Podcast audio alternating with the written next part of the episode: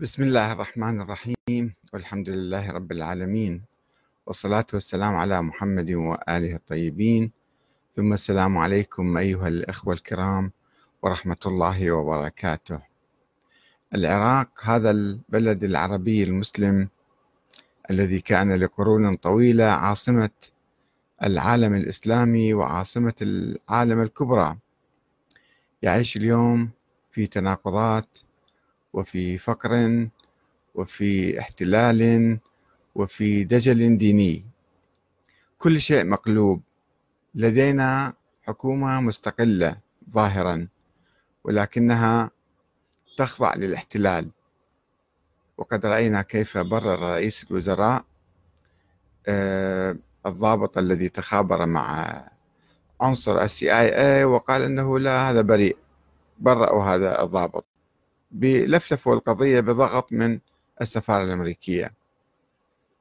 ولدينا نظام ديمقراطي ولكنه مزور انتخابات مزورة ونواب لا يبحثون إلا عن مصالحهم. لدينا اقتصاد غني جدا ثروات هائلة نعيش على بحر من النفط ولدينا ثلث الشعب يعيش تحت مستوى خط الفقر ب 200 دولار بالشهر أو أقل من ذلك. يعني أيضا عندنا مراجع دين ما شاء الله وعلماء ومعممون كثيرون ولكنهم يبعدون الناس عن الله تعالى أكثر مما يقربونهم إليه. ينشرون الخرافات والأساطير باسم الدين. الآن نتعرف على أحد هؤلاء المراجع. الذي له مقلدون وله حزب وله كتب وله كذا ودروس وحوزة وهو آه، الشيخ محمد اليعقوبي الذي يقول عندما يستعصي علي أمر أندب يا أبا صالح المهدي أدركني.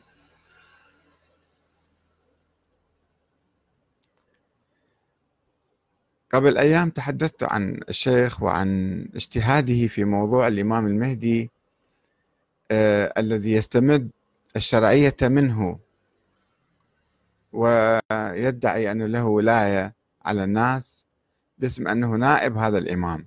يدعي أنه مجتهد ويدعي أن هذا الإمام موجود وهو نائب عنه. فطلب أحد الأخوة من أتباعه وأنصاره أن أطلع على كتاب له تحت عنوان شكوى الإمام. وحسبت أنه بحث علمي في آه، عملية إثبات وجود هذا الإمام الغائب. فقرأت هذا الكتاب بحثت عنه في الإنترنت وطلعت الكتاب وقرأته من أوله إلى آخره وهو كان يبدو عليه مجموعة محاضرات أو خطابات جمعية باسم كتاب. آه، فقرأت هذا الكتاب وهو طبعا للشيخ اليعقوبي المتصدي أو أحد المتصدين للمرجعية الدينية الشيعية هذه الأيام. والذي يطلق على نفسه لقب آية الله. آية الله. يعني بسهولة الناس إذا ما تقول آية الله يزعل أيضا. ولديه ربما بعض المقلدين. وحوزة مجموعة من الطلبة يعني مدرسة من طلبة العلوم الدينية. وحزب سياسي تابع له في العراق ومشارك في العملية السياسية الجارية. آه، وهو حزب الفضيلة. الكتاب عبارة عن محاولة من الشيخ لبحث موضوع وجود الإمام الثاني عشر الغائب محمد الحسن بن الحسن العسكري وإثبات وجوده وتبرير غيبته الطويلة التي ناهزت الألف والمئتي عام وتبيان الموقف المطلوب من الشيعة من هذا الإمام هذه الأيام. وقد وجدت الشيخ اليعقوبي يعبر عن إيمانه العميق جدا بوجود هذا الإمام إلى درجة الاستعانة به في الشدائد. بدل ما يستعين بالله تعالى سبحانه وتعالى في الشدائد أو الكوارث أو المصايب أو أي حاجة عنده آه، هو يستعين بهذا يستبدله يستبدل الله بهذا الإنسان بهذا الإنسان الموهوم. يقول في كتابه صفحة 234 هامش رقم 272 يقول ما يلي قد تعلمت أنا شخصيا أني كلما استعصى علي أمر أن أندب الإمام بقول يا أبا صالح المهدي أدركني. فيساعدني في قضائها بإذن الله. طب ما سوى أنه مؤمن بهذا الإمام فقط؟ لا بإذن الله يساعده. حتى لا يكون يعني واحد يتهمه بالشرك أو يتهمه بالكفر لا بإذن الله تعالى. ولم يقل الشيخ اليعقوبي كيف يساعده هذا الإمام؟ اللي هو مشكوك في وجوده. ما حد ما عارف أنه مولود ولا ما مولود. كما لم يحكي لنا قصة واحدة من تجاربه الكثيرة. يقول أن كلما آه، استعصى علي أمر أندب الإمام المهدي فما ذكرنا في قصة من قصص أنه كيف مثلا أنقذه كيف ساعده كيف كذا بس المهم وفيما إذا كان قد سأل الإمام المهدي عن شرعية الدخول في العملية السياسية العراقية تحت الاحتلال الأمريكي أم لا؟ وأيضا لم يقل لنا لماذا نسي الله تعالى ولم يدعه ولم يستغث به ولم يستعن به على قضاء حوائجه التي تستعصي عليه. يعني المفروض في عالم دين يدعو الناس إلى الله تعالى إلى الارتباط بالله إلى توحيد الله إلى كذا.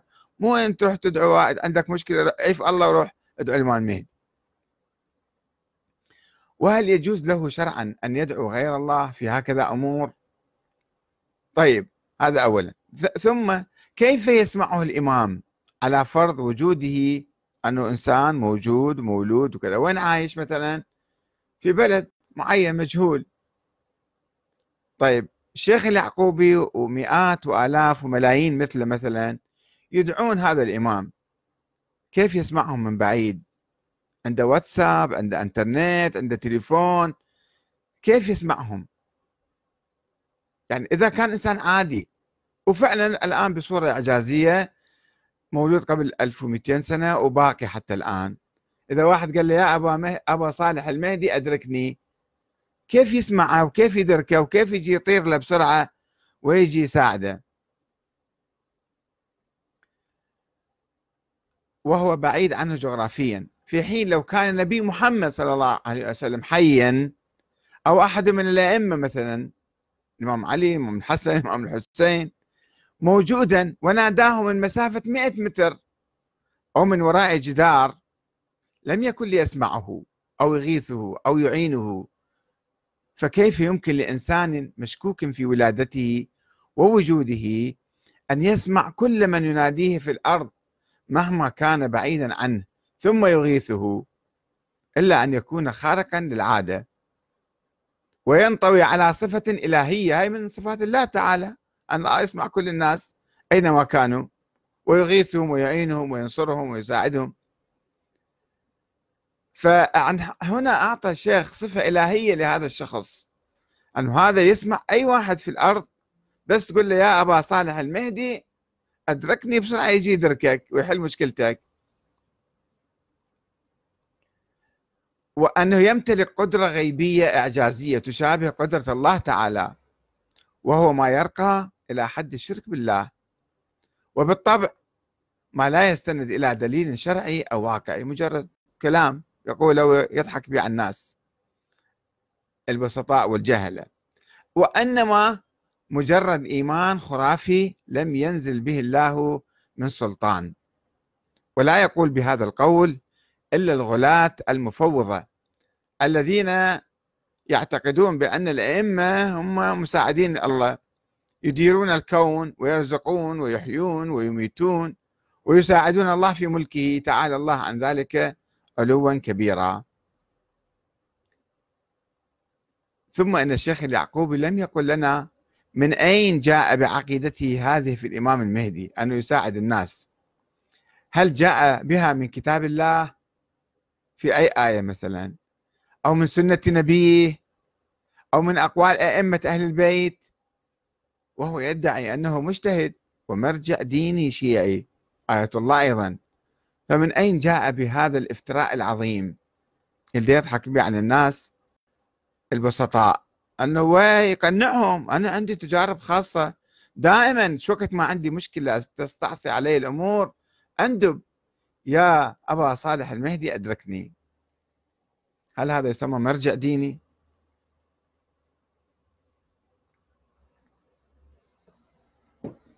هسه يجيب دليل على أنه هذا القصة مالته يعني صحيحة ولكي يعزز الشيخ اليعقوبي دعواه بوجود الإمام المهدي وهو يجي يحل مشاكل مو فقط عنده أعمال كثيرة نقل حكاية عن رجل مجهول أسماه الراوي. قال الراوي شايفين فد عالم أو فد باحث أو محقق أو مجتهد مثلا أو حتى طالب ابتدائيه عندما ينقل قصة يقول قال الراوي منو قال منو هذا الراوي؟ زين خلينا نشوف الرواية شنو الآن. دون أن يذكر اسمه اسم هذا الراوي أو مصدر الحكاية اللي ينقلها عن هذا الراوي ومتى حدثت وأين مثلا كل هذا مو مهم عندهم. هاي هاي طريقة الإشاعات دائما تأتي هكذا بدون تحديد لا اسم ولا هوية ولا زمان ولا مكان ولا ظرف بس يجيب لك فت قصة وأنت طايره بالهواء يعني. قال الراوي كنت أشاهد الإمام ولي العصر جالسا على أريكة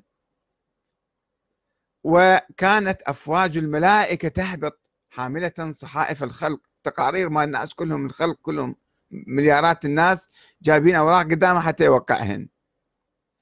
وتقدم إلى الإمام وتقدم إلى الإمام تقارير عن أعمال السنة الماضية لكافة الناس. شاف شلون كلام؟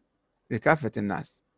والإمام يوقع على تقرير كل فرد ويصادق عليه. يعني هذا خوش إنسان هذا مو خوش إنسان كذا مثلا. كل الناس مليارات من الناس الإمام قاعد جبل يعني لازم من التقارير. وفي تلك اللحظة هذا الراوي دي يقول وفي تلك اللحظة تقدم أحد الملائكة بأدب وإجلال وسلم على الإمام صحيفتي أنا وكان اسمي مكتوبا في أعلى الصفحة يعني كان أوراق مو بالإنترنت ولا بالكمبيوتر لا بالأوراق. ويسترسل الشيخ اليعقوبي في ذكر تفاصيل كثيرة عن عمل الإمام في القصة هذه في صفحة رقم 10 و11 من كتابه. طبعا هنا أول شيء الراوي منه مسألة الشيخ اليعقوبي. مجتهد هو يعرف علم غيب نزل عليه. وبعدين ملائكة واحد شاف الملائكة ينزلون على الإمام. شلون شاف الملائكة؟ هو النبي محمد ما كان يشوف الملائكة. كان يسمع الوحي أو كذا. وبعدين الناس المسلمين ما كانوا يشوفون الملائكة تنزل على النبي. وهذا الشخص من قال لك هو هذا الإمام المهدي شافت واحد مثلا. بعدين هاي القصة بالمنام بالحقيقة باليقظة كيف؟ قصة عجيبة غريبة ما أعرف منين جايبها. وبعدين مليارات الناس قاعد الإمام يوقع على تقاريرهم شنو يعني؟ شغل ما عنده عمل؟ هو هذا شغل الإمام؟ الإمام في الفكر الشيعي يعني الإمامي أنه النبي جاب رسالة وخلص بس الأئمة جايين ينفذون الشريعة الإسلامية أو ينفذون يطبقون الإسلام. الإمام يعني الحاكم. مو يوقع تقارير مال الخلق كلهم. شو يسوي فيهم؟ ومن اعطاه المهمه وهالمنصب هذا. ومنين جابه؟ واحد لما يقول أنا عالم أو أنا مجتهد أو أنا فقيه لازم يستقي معلوماته. أول شيء من القرآن الكريم بعدين من السنة النبوية بعدين من الأحاديث الصحيحة. مو أنه ياخذ خرافات وأساطير ويبثها بين الناس. على اعتبار هو مجتهد وهو مرجع وهو آية الله. ولسنا ندري هل كانت هذه القصة في اليقظة أم في المنام. وكيف رأى الملائكة التي لم يرها أحد وهي تنزل على رسول الله صلى الله عليه وسلم. وكيف يقوم الإمام؟ ولماذا بقراءة التقارير؟ عن أعمال الخلق. الله يعلم بها ليش يعطي هاي المهمة للإمام هذا؟ وكيف رأى ذلك الراوي اسمه مكتوبا على صحيفة. طلع طلعت الصحيفة مالته وشاف الصحيفة مالته. المهم كيف صدق الشيخ اليعقوبي بهذه الرواية العجيبة الغريبة الأسطورية؟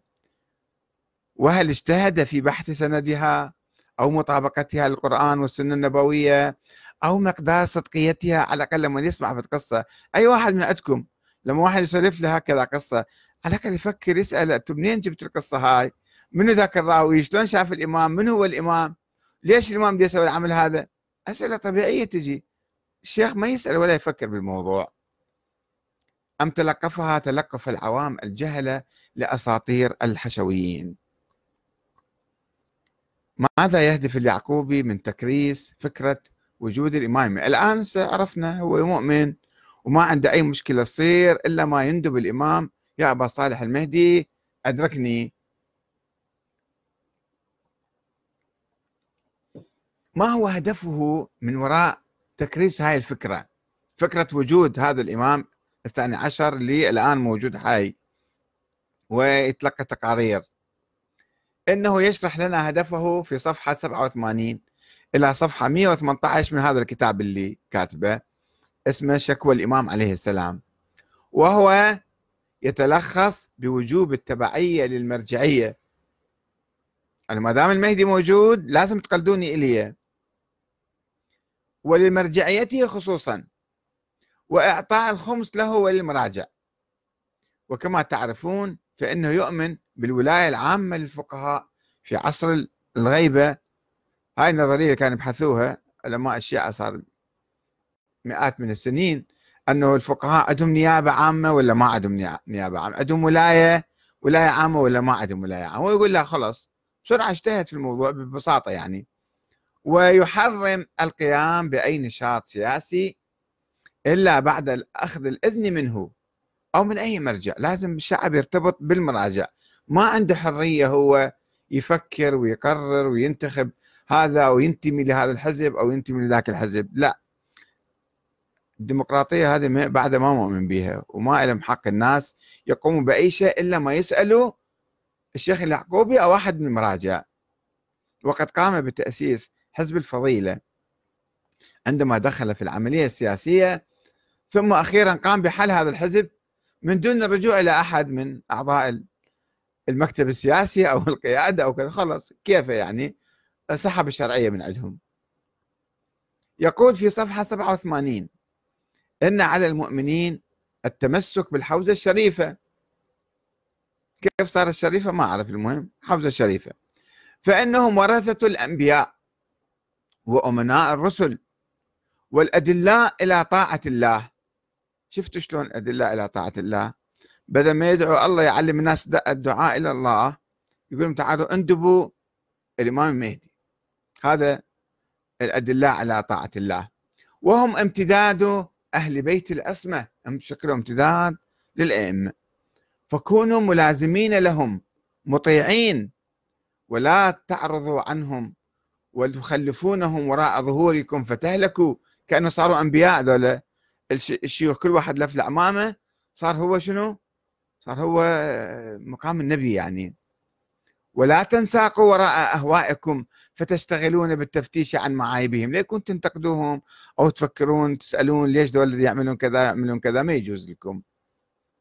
ولم يأتي بأي دليل لإثبات نظريته في الحوزة الشريفة. ولا تحديد مصادقها من هم ذول الحوزة الشريفة من من العلماء الأتقياء الورعين المخلصين المجتهدين الحقيقيين؟ هذا مو مهم. فقد اعتبر ذلك من المسلمات التي لا تقبل النقاش. وانتقل بعد ذلك في صفحة واحد صفحة رقم واحد 91 لكي يتحدث عن حبس الحقوق الشرعية الأخماس والزكوات يعني. وينتقد في عشر صفحات من 108 إلى 118 من يقول بأن آية الخمس واعلموا أن ما غنمتم من شيء فأن الله خمسه وللرسول ولذي القربى واليتامى والمساكين هاي الآية إذا واحد قال تختص فقط في غنائم الحرب يقول لا ما يصير. وإنما تعم أرباح المكاسب. تبعا للفت... للفتاوى الشيعية المشهورة في العصور المتأخرة. دون أن يقدم أي دليل على دعواه بعدم اختصاص الآية اللي صريحة في غنائم الحرب. واعلموا أن ما غنمتم من شيء. ويجرها على المكاسب حتى يقول تعال جيبوا خمس إلي وبعدين عنده حزب الفضيلة وجماعته بال... كانوا في محافظة البصرة وكانوا في وزارة العدل وكانوا في وزارات أخرى. كل ما عندهم حصة كل ما عندهم كذا مقاولات أو كذا يجيبوها إلى هذه تعتبر أموال حلال. هاي النتيجة أنه هناك شخص اسمه إمام مهدي وأنا نائبة وجيبوا الخمس والسيطرة السياسية إلي. خلينا نشوف شلون دا يجتهد على شنو مجتهد طبيعة اجتهاد هذا المرجع كنموذج يعني وهو مو واحدة فقط. طبعا معظم المراجع هكذا الذين يدعون المرجعية حقيقة هم ما يجتهدون فقط يدعون الاجتهاد. ما هي طبيعة اجتهاد الشيخ اليعقوبي؟ من البديهي أن أي شخص يريد أن يصبح مجتهدا أو عالما أو باحثا في الإسلام عليه أولا أن يدرس الإسلام والقرآن والنبوة. ثم إذا أراد أن يصبح باحثا مجتهدا في مذهب أهل البيت يصبح فقيه مثلا عليه أن يدرس أسس ذلك المذهب وتاريخه وأصوله وأحاديثه ويجتهد في علم الأصول والحديث والفقه. وإذا أراد أن يبحث في المذهب الاثنى عشري بالخصوص الذي يتفرع من المذهب الإمامي الشيعي فعليه أن يدرس بعمق مسألة القائمة الاثنى عشرية التي تتضمن أسماء الأئمة الاثنى عشر وتاريخ تأليف هذه القائمة. ولا سيما مسألة ولادة وجود الإمام الثاني عشر محمد بن حسن العسكري. لازم يدرس يبحث يحقق فعلا هذا إنسان مولود موجود ولا لا. بعدين يبني على ذلك يقول أنا نائبة مثلا.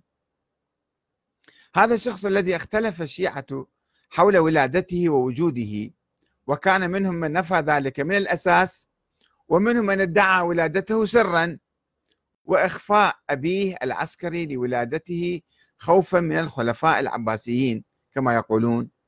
على الأقل لازم يبحث هذا الموضوع. المفروض واحد يقول أنا مرجع. أول شيء لازم يبحث هذا هذا الموضوع.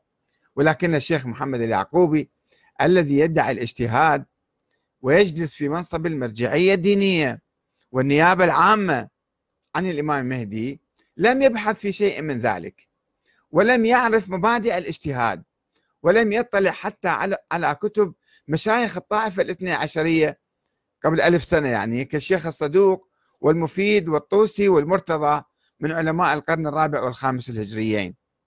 وإنما اعتمد بصورة رئيسية على كتاب مفاتيح الجنان للشيخ عباس القمي الذي جمع في كتابه قبل 100 سنة تقريبا جمع في كتابه كما هائلا من الأدعية والزيارات بلا تحقيق ولا ذكر للسند. روحوا شوفوا الكتاب أنتم. وبنى عقيدته الشيخ اليعقوبي في وجود الإمام المهدي الغائب على تلك الأدعية والزيارات. فراح يسند كل فكرة يحاول إثباتها إلى حديث هنا وزيارة هناك. ويبادر إلى توثيق تلك الأدعية والزيارات دون بحث أو دليل أنه الزيارات من أصح الزيارات. هذا هذا الدعاء من أصح الأدعية تقليدا بدون بدون يعني علم في الحقيقة. وقام في بداية منشوره شكوى الإمام برواية حديث موضوع يتحدث بلسان القرآن يوم القيامة ويقول أن القرآن يشكو إلى الله فيقول حرفوني ومزقوني. وهو ما يشير إلى إيمان الشيخ اليعقوبي بمسألة تحريف القرآن ثم يقوم بالربط بين القرآن والإمام ويقول بأن الإمام هو قطب الرحى وأن القرآن يحتاج إلى من يتحرك به ويفعل دوره في حياة الأمة بإيضاح مفرداته وشرح أفكاره وبياناته واستخراج مكنوناته وتطبيق قوانينه وإقامة حدوده ومناهجه طيب وين هذا الإمام؟ ما موجود غائب. من مكانه؟ الشيخ اليعقوبي.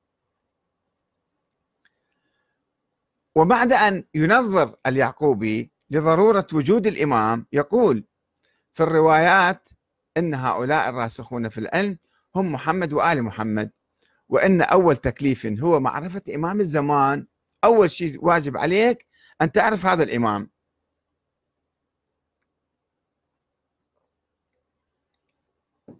طيب منين جبت هاي الفكرة يا شيخ محمد يعقوبي؟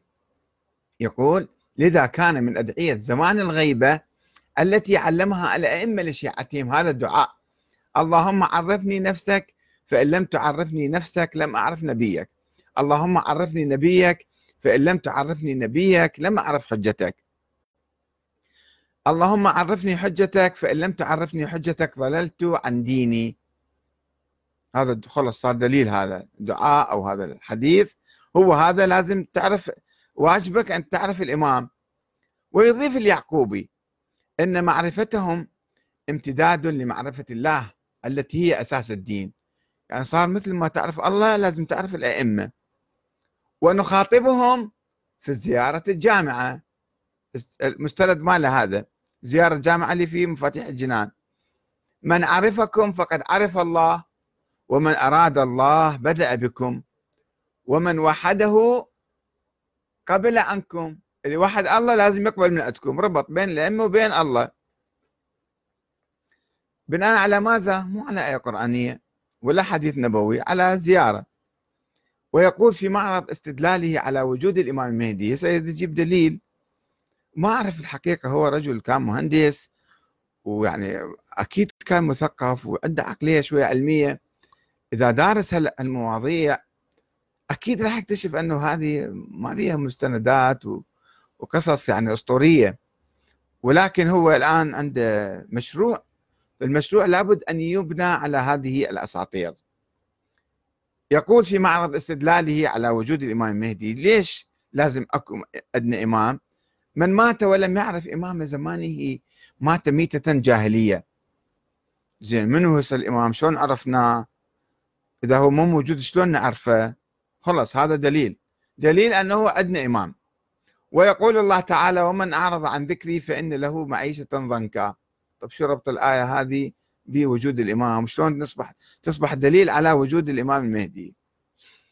وقد ورد في الروايات أن ذكر أهل البيت هاي صفحة ستة. ورغم الأهمية القصوى التي يوليها الشيخ اليعقوبي لمسألة وجود الإمام المهدي سواها قطب الراحة الإمام هو قطب الراحة في الحياة. إلا أنه لا يبحث مسألة الولادة الغامضة والمشكوك فيها. أصلا ما يبحث الموضوع. ويعتبرها أمرا مفروغا منه بالرغم من الجدل الواسع الذي دار حولها في التاريخ الشيعي. ويحاول التنظير لها بمقولات فلسفية وكلامية يعني متهافتة جدا. فيقول تحت عنوان التصدي للشبهات المثارة حوله. بعدين هو يترك موضوع أنه ولد أم لم يولد يجي يقول أكو شبهات. شبهات أحمد الكاتب يمكن يثيرها على وجود الإمام فدي يناقش هذه الشبهات الآن. أما مسألة الوجود هذا مفروغ منه ما يحتاج يبحث فيه. فصفحة 12 و 13 يسأل يقول كيف يمكن أن يبقى حيا كل هذه المدة؟ الإجابة. الأول الدليل العقائدي. ونستدل به على ضرورة بعث الحجج من أنبياء ورسل وأئمة وتواصلهم فإن الأرض لا تخلو من حجة ظاهرا أو مستور. يعني إذا الله كان لازم يبعث لنا أنبياء ورسل فلازم عندنا أئمة وعندنا إمام الآن موجود. هاي فرضية. يعني دي يستند دليل افتراضي. صفحة 15 الثاني العلمي. يسميه علمي ما أعرف شلون ليش سماه علمي؟ فلا استحالة فلسفية ولا طبيعية أن واحد يكون عمره مثلا 1200 سنة أو مليون سنة. فهذا مو صار إعجازي وإحنا ما عندنا عصر الإعجازات انتهى والمعاجز انتهى والنبي محمد ما جاب معاجز جاب قرآن فقط. الثالث ليش لازم يبقى الإمام؟ لاطلاع المهدي على نقاط ضعف المجتمعات السالفة. لازم يعيش كل القرون 1200 سنة حتى يشوف المجتمعات شنو نقاط ضعف اخو الله يعطي علم في لحظة واحدة مو عنده علم من الله؟ فليش لازم يعيش المدة الطويلة حتى يتعلم من الناس؟ شو شلون كلام متناقض ومتهافت حقيقة. الرابع الفكري دليل فكري. أشياء أدلة عجيبة أول مرة أسمع فيها. أنا قرأت عشرات الكتب عن الإمام مهدي أثناء بحثي ما حد ما جاب مثل الكلام هذا. مبدع حقيقة في هالاستدلالات. الرابع الفكري الإمام أخذ علمه وثقافته من المعصومين ولولا وجوده لساخت الأرض. شو الربط هذا بذاك؟ جايب كلمات مصفطهن بده يقول لك بده يثبت وجود هذا هذا بده يبحث الشبهات. ويعتبر الشيخ اليعقوبي الزيارة الجامعة. المشحونة بالغلو أصح الزيارات متنا وسندا. شوف السند يا شيخ يعقوبي. بحثت السند عمن مروية مثل هاي الرواية. وشلون صارت أصح الزيارات متنا؟ مو بها كفريات وشركيات هاي الزيارة من زيارات الغلاة التي وضعوها. فشلون؟ ويقول إنها قرأت على الإمام المهدي. هو مو موجود حتى تقرأ عليه لا قرأت عليه فأقر مضامينها. وين؟ من قال؟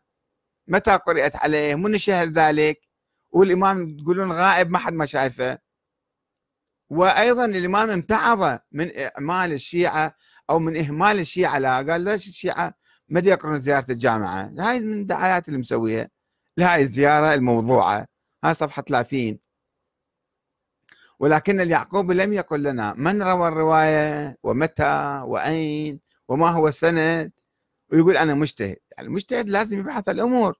الدقيقة حتى يقدر كلامه يكون علمي. وفي الحقيقة أن الشيخ اليعقوبي ينقل هذا الكلام من المحدث المجلسي صاحب كتاب بحار الأنوار التي يقول عنها عن هذه الزيارة إنها من أصح الزيارات سندا وأعمها موردا وأفصحها لفظا وأبلغها معنى وأعلاها شانا. هو ماخذها والعبارة يرددها بدون تفكير بدون تدقيق.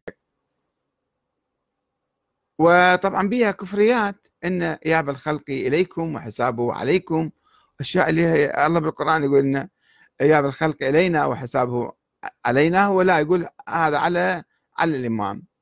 ولكي لا أطيل عليكم تعجبت كثيرا من مستوى حديث الشيخ اليعقوبي عن الإمام المهدي وتساءلت فيما إذا كان قد قرأ على الأقل الموسوعة المهدوية لأستاذه السيد محمد محمد الصدر. على الأقل يعني رغم ما فيها من روايات ضعيفة أو حكايات أسطورية. حتى هذه ما ما يبدو أنه قاريها. فكيف يكون مجتهدا؟ من لم يقرأ ولم يبحث ولم يجتهد في أهم موضوع عقائدي باعتباره يعتمد عليه في بناء شرعيته المرجعية وأخذ الخمس من الناس وفرض ولايته ووصايته عليهم. وبعدين بدل ما يدعوهم إلى الله يدعوهم تعالوا نادوا هذا. زين إحنا عندنا الآن مشاكل. عندنا احتلال عندنا سوء توزيع الثروة عندنا آه، فوضى في الديمقراطية وفي تطبيق القانون وعندنا مشاكل كثيرة. زين ليش ما تدعو الإمام مهدي حتى يجي يحل هذه المشاكل؟ شوف كلام منطقي ولكن من يفكر بالموضوع؟ والسلام عليكم ورحمة الله وبركاته.